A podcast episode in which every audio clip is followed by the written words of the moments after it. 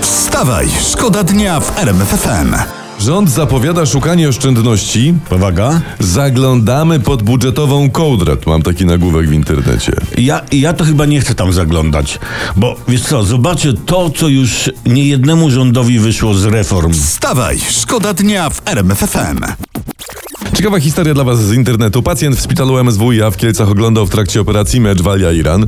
Wszystko dzięki fajnemu znieczuleniu podpajęczynku wnówkowemu. Co to? Jakkolwiek to się nazywa. E, dobrze, że lekarze nie oglądali razem z nim. Ale dobrze, że nie operowali w trakcie meczu Polski z Arabią Saudyjską, bo pacjent mnie przeżył. No, Z emocji. no, bo ja ledwo przeżyłem. Wstawaj, szkoda dnia w RMFFM. A NASA wyczytałem zapewnia, że do roku 2030, czyli za chwilę, cytuję, będziemy żyć i pracować na Księżycu. E, ja tam wolę żyć i pracować na ziemi, osobiście, nie? Tak.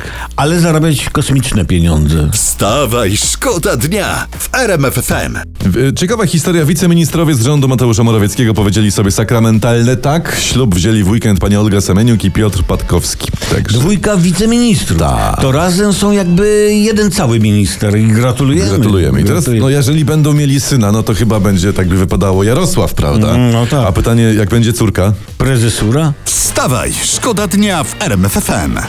Mamy dla was fajną historię. E, Cy cytuję. Żona kochanka doniosła na mnie mojemu mężowi. Musiałem to chwilę czytać to zdanie. Czekaj, kilka czekaj, razy. czekaj, bez jogi tego nie rozkminisz. Albo i wódki, albo i tego, i tego. Nie, nie, bo to jest. e, e, Rozwaliła małżeństwo ta żona kochanka. No. Swoje zresztą też, bo mąż ją opuścił, bo nie mógł jej wybaczyć tego, co zrobiła, tego Mm. donosicielstwa. I teraz ja to może rozrysuję, bo to jest o poranku, trzeba Właśnie takie na, rzeczy. na, na praźmie, tak. Baba A ma męża B.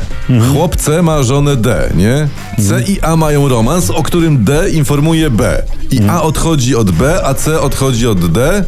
Pytanie, czy B i C się zejdą teraz jest. No nie, nie to, to jest zadanie na, na taką rozszerzoną maturę, połączenie wiedzy o społeczeństwie i matematyki. Hej, słuchajcie, ale może cała czwórka powinna zrobić wspólną wigilię? I wyjaśnić. sobie to i owo.